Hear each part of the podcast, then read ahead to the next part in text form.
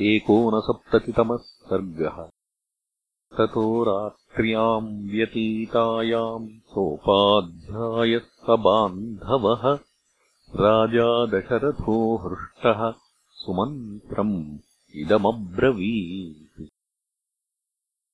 अद्य सर्वे धनाध्यक्षाः धनमादाय पुष्कलम्। व्रजन्त्वग्रे सुविहिता नानारत्नसमन्विताः।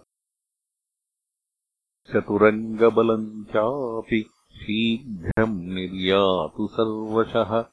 ममाज्ञासमकालम् च यानयुग्यम् अनुत्तमम्।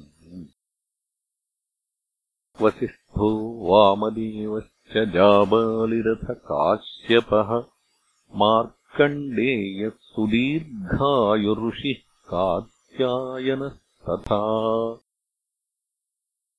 एते द्विजाः प्रयान् स्वग्रे स्यन्दनम् योजयस्व मे यथा कालात्ययो न स्यात् दूता हि त्वरयन्ति माम्।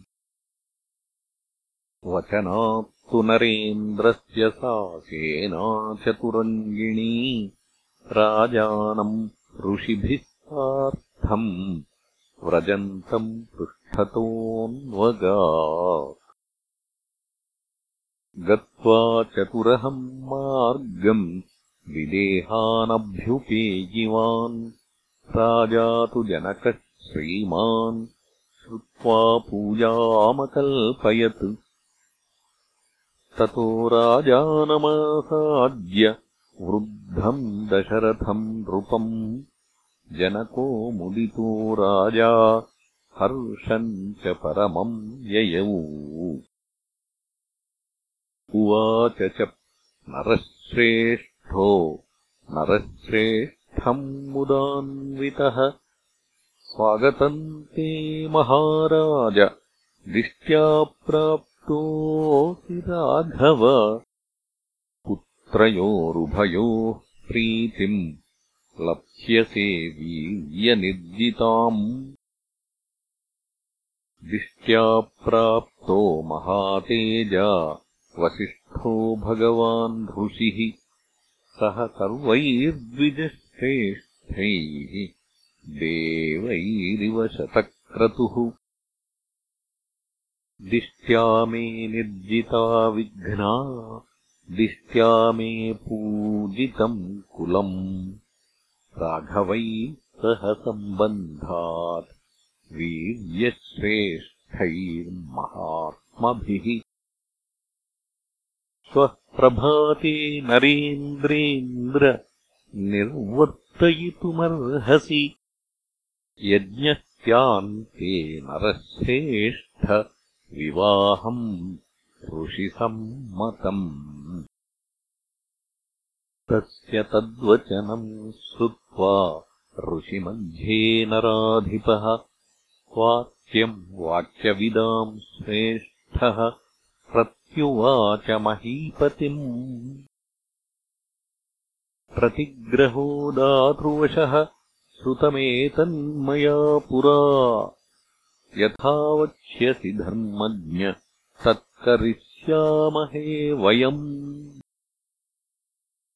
धर्मिष्ठम् च यशस्यम् च वचनम् सत्यवादिनः श्रुत्वा विदेहाधिपतिः परम् विस्मयमागतः।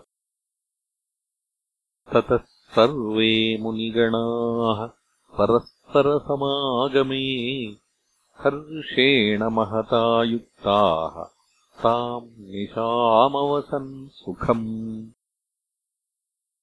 अथ रामो महातेजा लक्ष्मणेन समम् ययौ।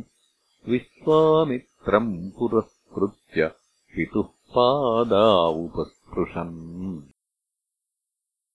राजा च राघवौ पुत्रौ निशाम्यपरिहर्षितः उवास परमप्रीतो जनकेन सुपूजितः।